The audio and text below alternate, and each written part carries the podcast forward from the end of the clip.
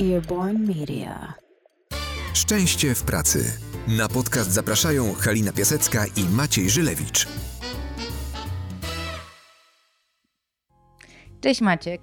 Cześć Halinko. Cześć, cześć. Dzisiaj temat rozmowy, który jest bliski naszemu sercu, który towarzyszy nam cały czas. Bardzo się z niego cieszę. Przykowaliśmy się do tego nagrania już jakiś czas. Mhm. Co ty na to? Ty, tak się jestem trochę zaszokowany, że nie zaczynasz dzisiaj od żadnego small talku, do powiedzenia, co u ciebie w życiu słychać. Nie, ja prosto dzisiaj do sedna od razu, od razu. Od razu walisz Ech. prosto w cel. No dobra, no skoro takie wymaganie, to może to jest nawet, Ja się nie mogę doczekać. wiesz co, trochę spójne z tym, o czym będziemy mówili, bo ludzie, o których dzisiaj będziemy rozmawiali, e, zasadniczo to są właśnie ludzie, którzy lubią rzeczy podawane wprost, bez owijania w bawełnę. Takie tematy, które są dobrze udokumentowane, no i ten small talk to nie zawsze jest e, konieczny, aczkolwiek oczywiście nie możemy tutaj wyciągać jakichś super ogólnych wniosków. Będziemy dzisiaj rozmawiali, słuchajcie, o szczęściu w pracy w branży IT, e, w technologii. Dlaczego? Bo mamy wrażenie, że. No, no, wrażenie to jest źle powiedziane, dlatego że, że bardziej doświadczenie z naszych e, wielu Wiem. projektów, tak, że jesteśmy w bardzo ciekawym momencie. Jeżeli chodzi o branżę IT na rynku polskim, ale nie tylko polskim. Bo z jednej strony, jak się zobaczy na świecie, to, to można mieć wrażenie, że ta szeroko rozumiana Dolina Krzemowa, a przypominam, że Dolina Krzemowa to jest bardziej takie pojęcie kulturowe niż geograficzne, bo są, nie wiem, firmy na wschodnim wybrzeżu Stanów Zjednoczonych, które są uznawane jako część Doliny Krzemowej, że buduje od wielu, wielu lat konsekwentnie takie utopie dla swoich pracowników. Trochę takie zamknięte systemy, w których oni mają się czuć świetnie, które zmieniają już krajobraz dookoła, które zmieniają infrastrukturę.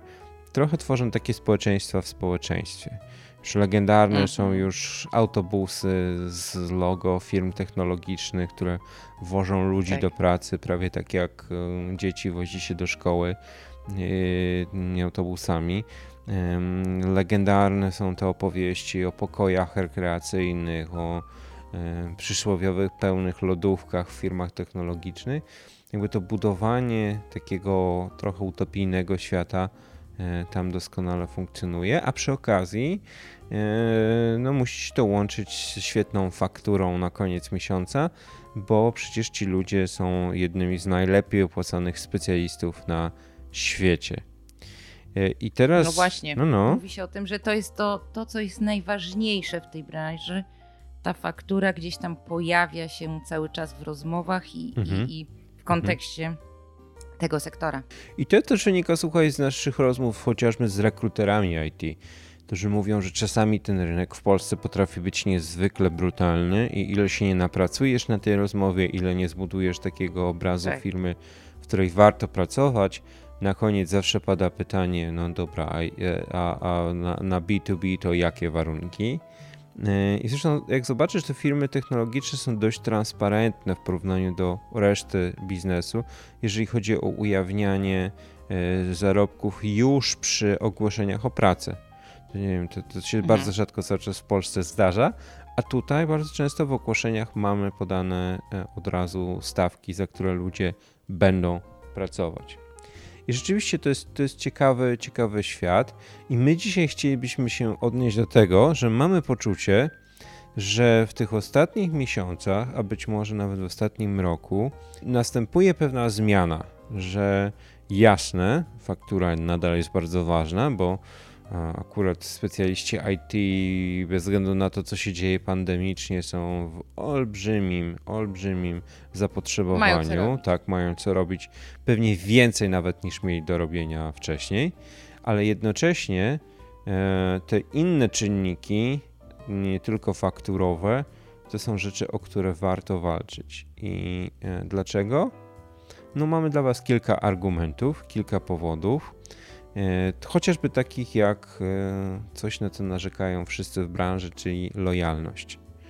Jak zadbać o to, żeby ta lojalność pojawiła się, jak zadbać o to, żeby ludzie no, nie znikali z firmy, właściwie z dnia na dzień albo na gdzieś tam pograniczu e, formalnego wypowiedzenia, tylko żeby bez względu na to, co się dzieje, chcieli być w firmie dłużej, chcieliby dawać swoje e, umiejętności, ale nie tylko. To jak to wygląda?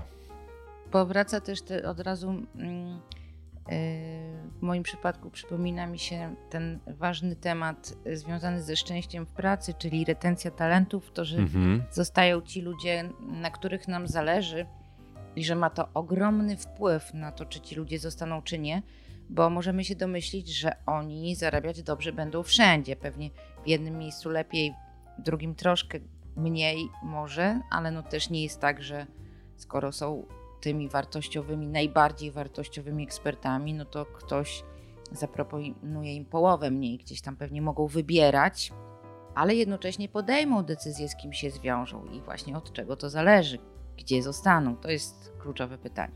Tak. Ta lojalność, prawda?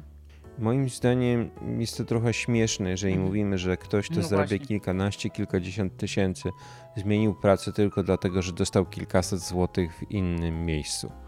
E, wydaje mi się, że to są naprawdę jakieś e, promilowe przypadki, e, bo najczęściej, kiedy odchodzi się z firmy i nie chce się, na, tej firmie nam mało zależy i firma nas pyta na do widzenia, dlaczego zmieniamy pracę, to jak mówimy, że ze względu na pieniądze, to ucinamy pewne dyskusje. Więc ja też, jeżeli na przykład przeglądacie w swoich firmach powody odejścia ludzi i pojawia się bardzo często temat pieniędzy, to być może rzeczywiście to jest temat zarobków, ale w wielu przypadkach ja wiem, że to jest taka odpowiedź, która e, zostawia e, zero przestrzeni do dalszej e, rozmowy. No tak, bo wtedy nie trzeba się tłumaczyć, tak. mamy swój powód, on jest tak jasny jest. i oczywisty, nie wchodzimy w niuanse, po prostu... Tak, Zresztą takie tłumaczenie się, pamiętaj, to jest też jakby pomoc, pomoc organizacji, którą lubimy, bo chcemy spowodować, żeby oni stali się lepsi, żeby nie popełnili tych samych błędów. A jeżeli odchodzisz z powodów tych takich bardziej miękkich, to bardzo często nie czujesz nawet zobowiązania, żeby dzielić się informacjami takimi, bo wiesz, że firma albo się i tak nie zmieni, albo no, naprawdę ci na niej nie zależy. E, mhm. Więc to jest, to, jest jakby, to jest jakby pierwszy temat.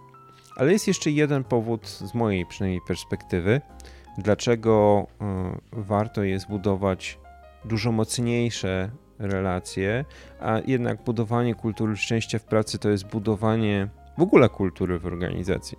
Nie jest tylko tak, że Dokładnie. dostarczasz swojej linijki kodu i potem e, znikasz i nic innego cię nie interesuje. Dlaczego?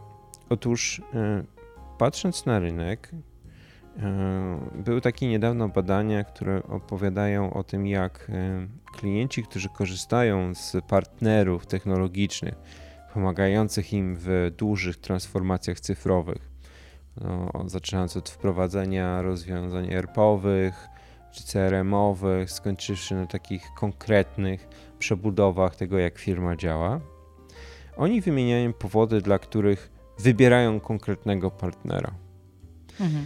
I jednym z najwyższych powodów w wielu zresztą kategoriach pojawiającym się absolutnie na pierwszym miejscu to jest to, że szukają partnera, z którym nie sam cel podróży będzie najważniejszy, mhm. ale cel podróży i podróż. Jasne. Czyli szukają partnerów, którzy będą e, przyjemni, skuteczni, komunikatywni, i partnerscy właśnie w budowaniu tego nowego świata dla klienta. Mhm. I teraz wyobraź sobie, że masz do wyboru człowieka, który jest zaangażowany w kulturę swojej firmy, który czuje się, że reprezentuje jakieś wartości, oraz człowieka, który jest najemnikiem za wysoką fakturę na koniec miesiąca. Mhm. Który z nich dostarczy bardziej takie dopasowane rozwiązanie, da się od siebie więcej, potraktuje swój projekt jakby był przedsiębiorcą, któremu zależy na tym, żeby klient na końcu był zadowolony. No to jest oczywiście pytanie no. E, absolutnie retoryczne. E, no co, co, więcej, co więcej, mm, złożoność tych projektów, przy których pracujemy, to jest najczęściej wymóg nie tylko bycia specjalistą w danym języku, e, w danej technologii, tylko bycia specjalistą, który również jest konsultantem. Tak. Że co, I oczywiście cały czas mamy, mamy te, te, te, tych programistów, którzy siedzą gdzieś sobie, w, nie chcę że w piwnicy, ale, ale siedzą sobie w swoich wygodnych fotelach i programują z różnych części świata. Ale jest coraz większa potrzeba, żeby rozmawiać, żeby kustomizować, żeby być w kontakcie z klientem. Myślę, że te proporcje zmieniły się też w ciągu ostatnich lat i że większy procent specjalistów IT musi być, chcąc czy nie chcąc, po części konsultantami. I znowu, mhm. konsultant, czyli wysokie umiejętności komunikacji, yy, oczywiście wysokie umiejętności analityczne, ale też budowanie właśnie tej drogi, budowanie tej podróży z klientem. Do tego jest nam potrzebny człowiek, który jest sam szczęśliwy, bo inaczej nie jest w stanie przekazać klientowi tego szczęścia. Nie? Wedle naszej zasady szczęśliwy menadżer, szczęśliwy zespół, szczęśliwy zespół, szczęśliwi klienci. To ja jeszcze zrobię krok w tył albo mhm. w, nie wiem, no w, w bok. bok. Wszystko jedno. Krok jeszcze do, bok. dodam do tego krok w bok, który naprawdę wydaje się ponętny i ciekawy, bo do tego, co mówisz, warto dodać, yy, jaki też styl pracy, jaki, jaki styl komunikacji, E, w ogóle jaki rodzaj kontaktu mhm. z klientami w tej chwili e, jest ceniony w kontekście właśnie porównywania mm, jakości współpracy z ekspertami, e, to bardzo ma dużo wspólnego z tym, co powiedziałeś, czyli to, że taki ekspert ma być też konsultantem. Okay. Mhm. I taki, taki konsultant, który jest ceniony, to, to nie jest tylko konsultant, ekspert, który E, ma wysokie kompetencje, e, który budzi szacunek w związku z tym i tak dalej, i tak dalej. Oczywiście może tak być, ale wygrywa ten i bardziej ceniony jest ten, który, uwaga, budzi zaufanie klienta. Mhm. I tutaj odnoszę się do tego, co powiedziała profesor z Harvard Business School, czyli Amy Cuddy, która mówiła o tym, w jaki sposób ludzie oceniają innych, w tym ekspertów. Mhm. I e, to, co robią, to najpierw zadają sobie takie pytanie, tak naprawdę symbolicznie, że zadają pytanie, bo w mózgu te procesy zachodzą bardzo szybko.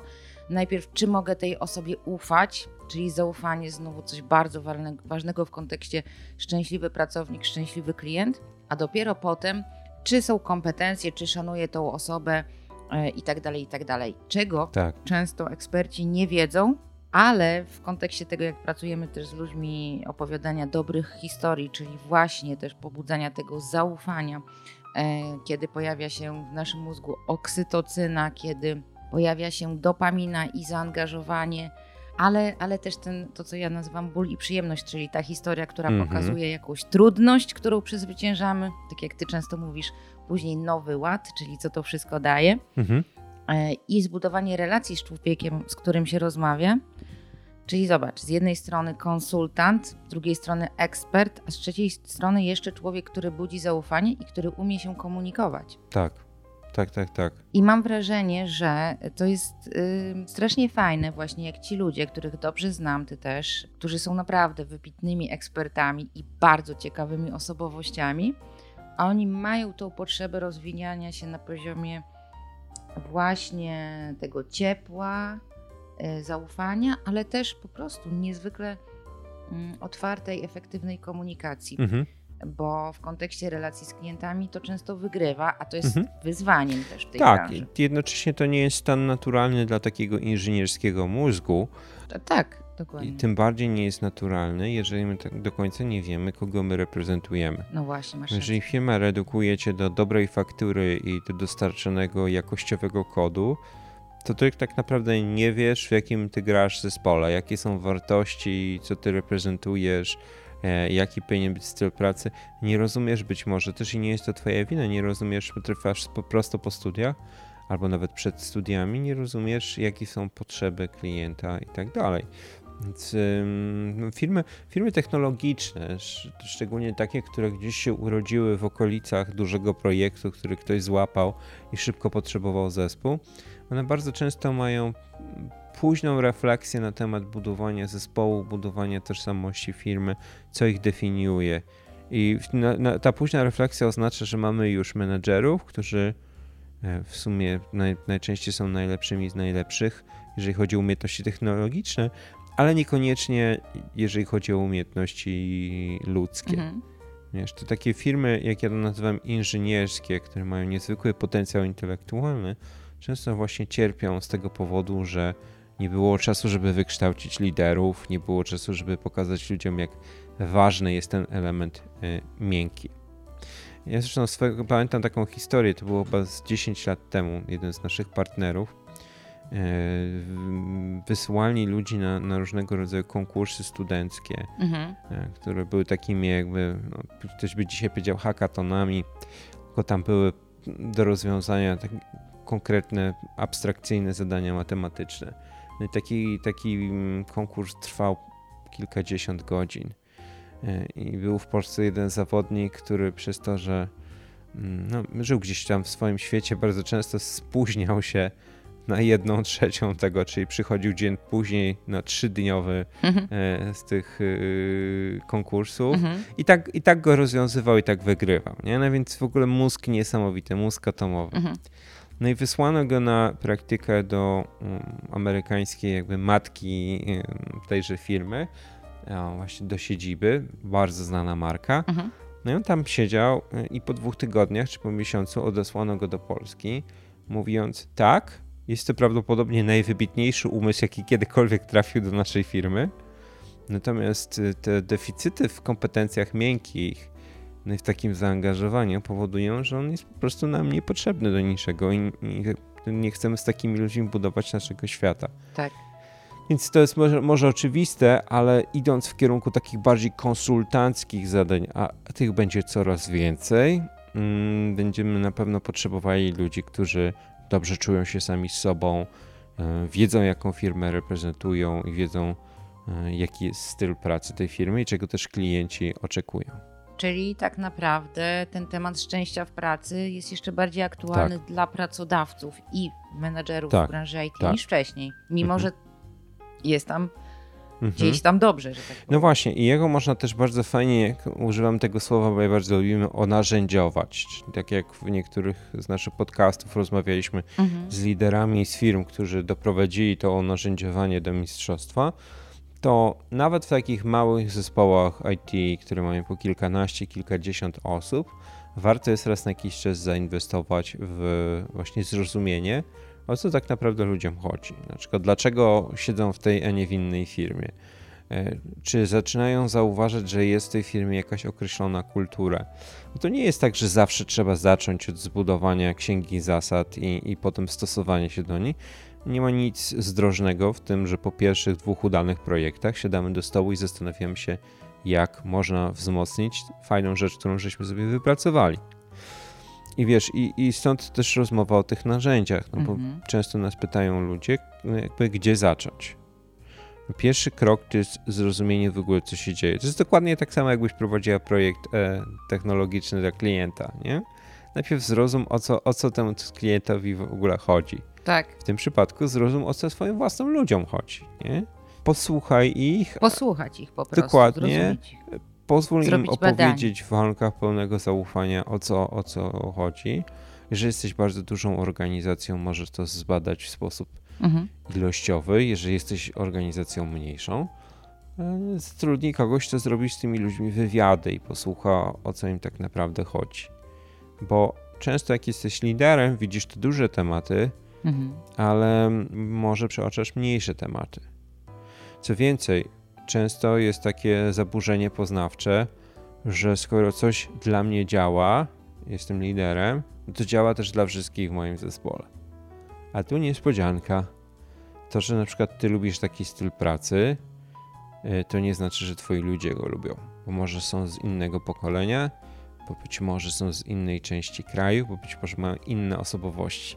I też to nie znaczy, że oni wprost ci powiedzą, że nie lubią, bo Dokładnie. też zależy im na tobie, chcą spełnić twoje oczekiwania, być może też nie, nie zawsze wbrew temu, co się mówi, że te młodsze pokolenia od razu powiedzą wszystko wprost. Nie zawsze się tak dzieje. Mhm. Z mojego doświadczenia pracując z ludźmi, jedni mówią wprost, a inni, którzy na przykład bardzo lubią zespół, w którym pracują jednocześnie mają jakieś tam ale, potrzeby zmiany, coś tam im się nie podoba, to często nie powiedzą, bo uważają, że dopiero zaczęli pracę, chcieliby Mhm. się wykazać, nie chcą komuś zawracać głowy tym na wyższych stanowiskach, którzy są tak zajęci przecież. Mhm. Więc y, w sytuacji, kiedy jest dobrze, bo my często Maciek wkraczamy w sytuacjach, kiedy jest dobrze, żeby No było jeszcze lepiej. Nie, nie jest to akcja naprawcza tragicznych jakichś y, sytuacji, które wydają się bez wyjścia, wręcz przeciwnie. Chociaż też tak się zdarza. Tak, ale rzadziej, rzadziej. Raczej, raczej sytuacja jest dobra, a jest wola, żeby ona była jeszcze lepsza, czyli właśnie w kierunku Mhm. tego szczęścia w pracy, prawda?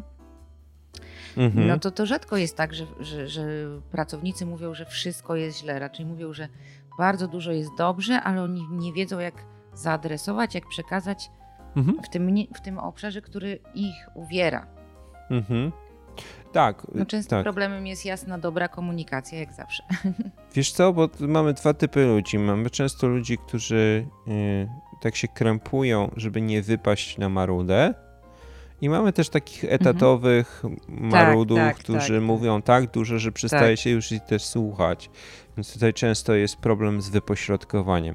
Ale żeby wam pokazać, jak absurdalne czasami te rzeczy mogą być z takiej zdroworozsądkowej perspektywy, ale absurdalne to jest tylko taka pierwsza ocena, bo potem się okazuje, że te tematy są naprawdę bardzo, bardzo ważne.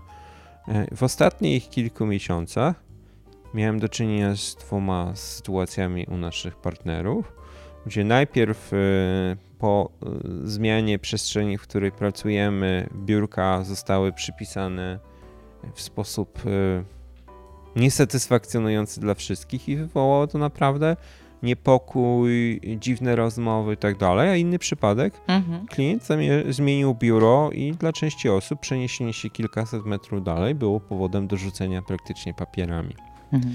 Więc mm, czasami jest tak, że coś, co wygląda na papierze jak absolutnie nieracjonalne, jest dla ludzi czymś niezwykle ważnym. No i teraz twoja rola liderzy to jest nie tylko usłyszeć to, ale też starać się zrozumieć, dlaczego tak jest. Nie? Z takich y, rozmów też wynikają zupełnie inne tematy, które są na przykład zmiennymi, związanymi z czasami, w których żyjemy. E, Ostatnio prowadzimy dużo badań fokusowych, dużo rozmów i okazuje się, że mm, zadanie na przykład pytania, jak y, często, czy korzystałeś w ostatnim czasie, korzystałaś ze wsparcia specjalistów zajmujących się zdrowiem psychicznym, Mhm. E, no te, te procenty skoczyły bardzo do góry i dla liderów czasami jest szokujące. Więc pojawia się pytanie, czy dzisiaj lider ma odpowiedzialność zajmować się również zdrowiem psychicznym swoich ludzi. Nie?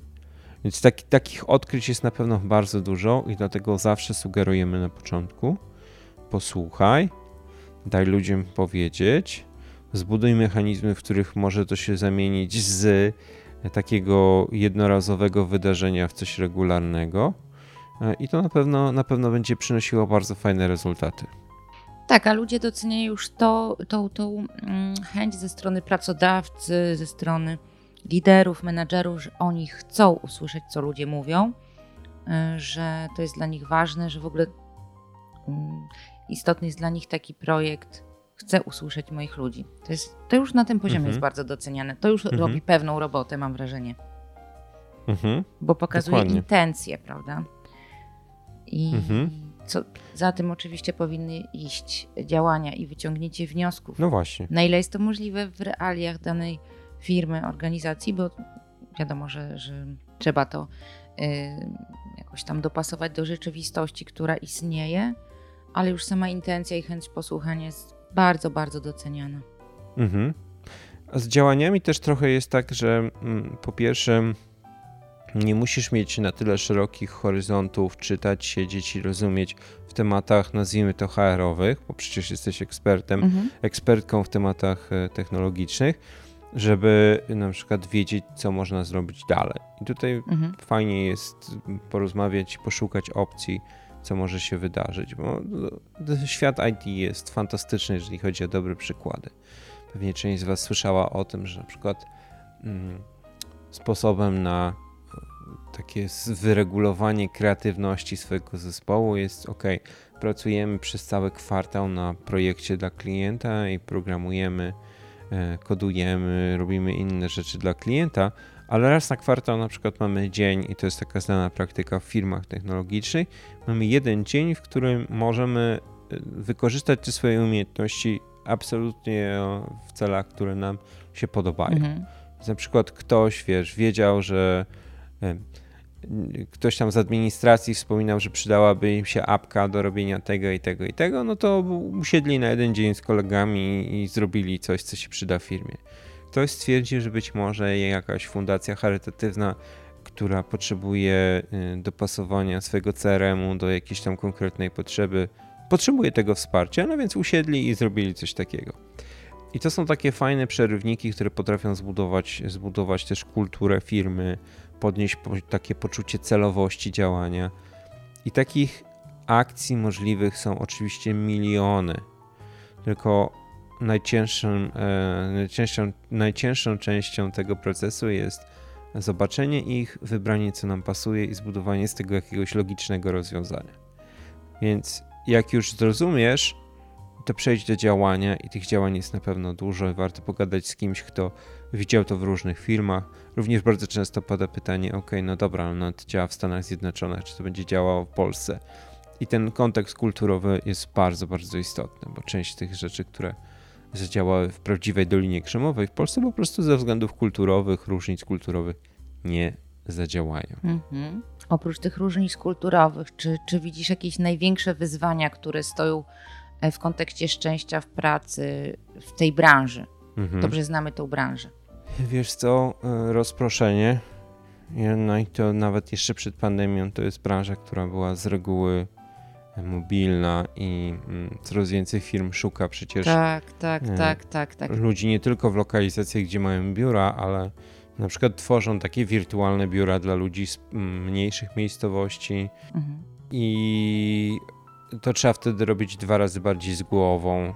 Bo jeżeli siedzą ci ludzie w jednym pomieszczeniu, to można zrobić bardzo wiele prostych, intuicyjnych rzeczy, które spowodują, że ci ludzie czują się jak zespół i poziomy szczęścia z pracy są wyższe. Natomiast jeżeli ludzie są rozproszeni, no to rzeczywiście wymaga już więcej e, pomyślenia, pokombinowania, ułożenia tych klocków, ale nadal jest to absolutnie możliwe.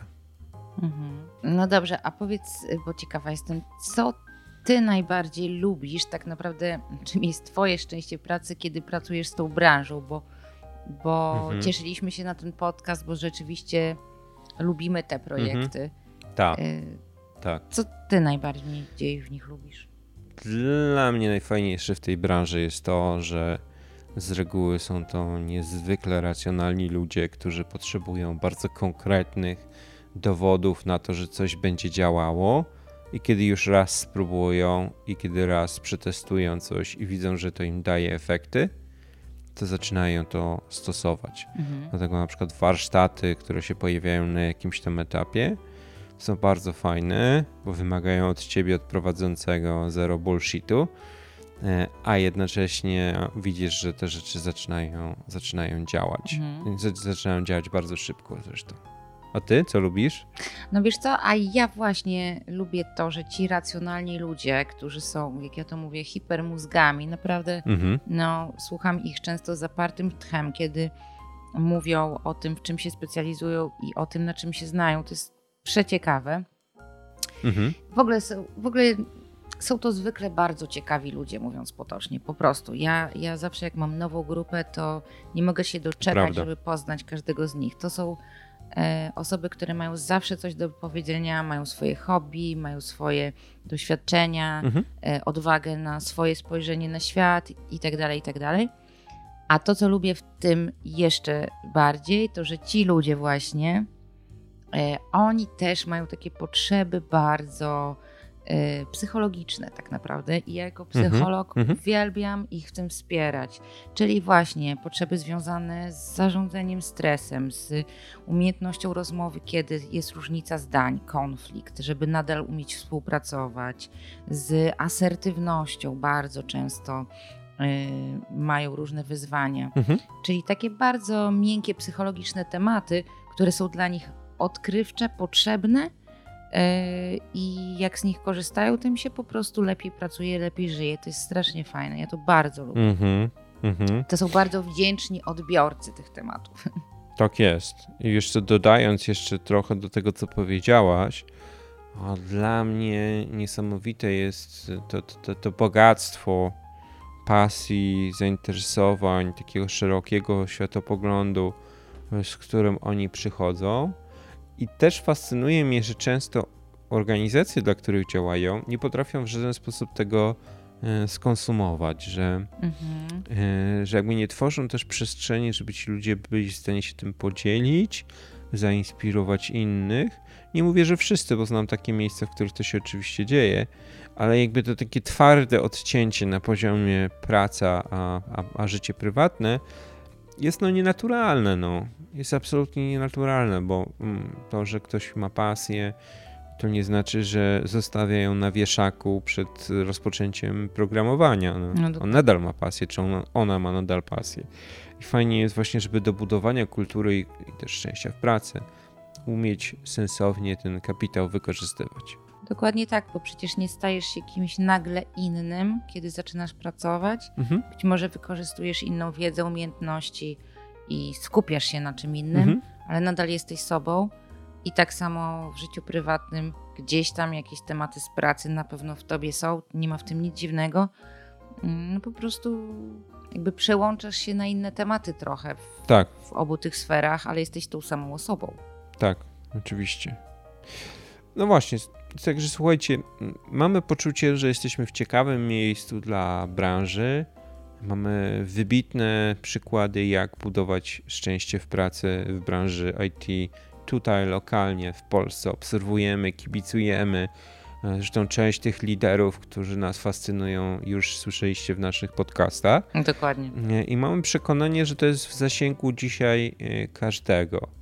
Jeżeli chcecie trochę zakończyć rozmowę o tym, które są krzywdzące, myślę, dla obu stron, czy, czy specjaliści IT pracują tylko i wyłącznie dla wysokości faktury, to może właśnie warto zająć się tematem i myślę, że rok 2021 jest dobrym momentem, żeby czymś takim się zająć.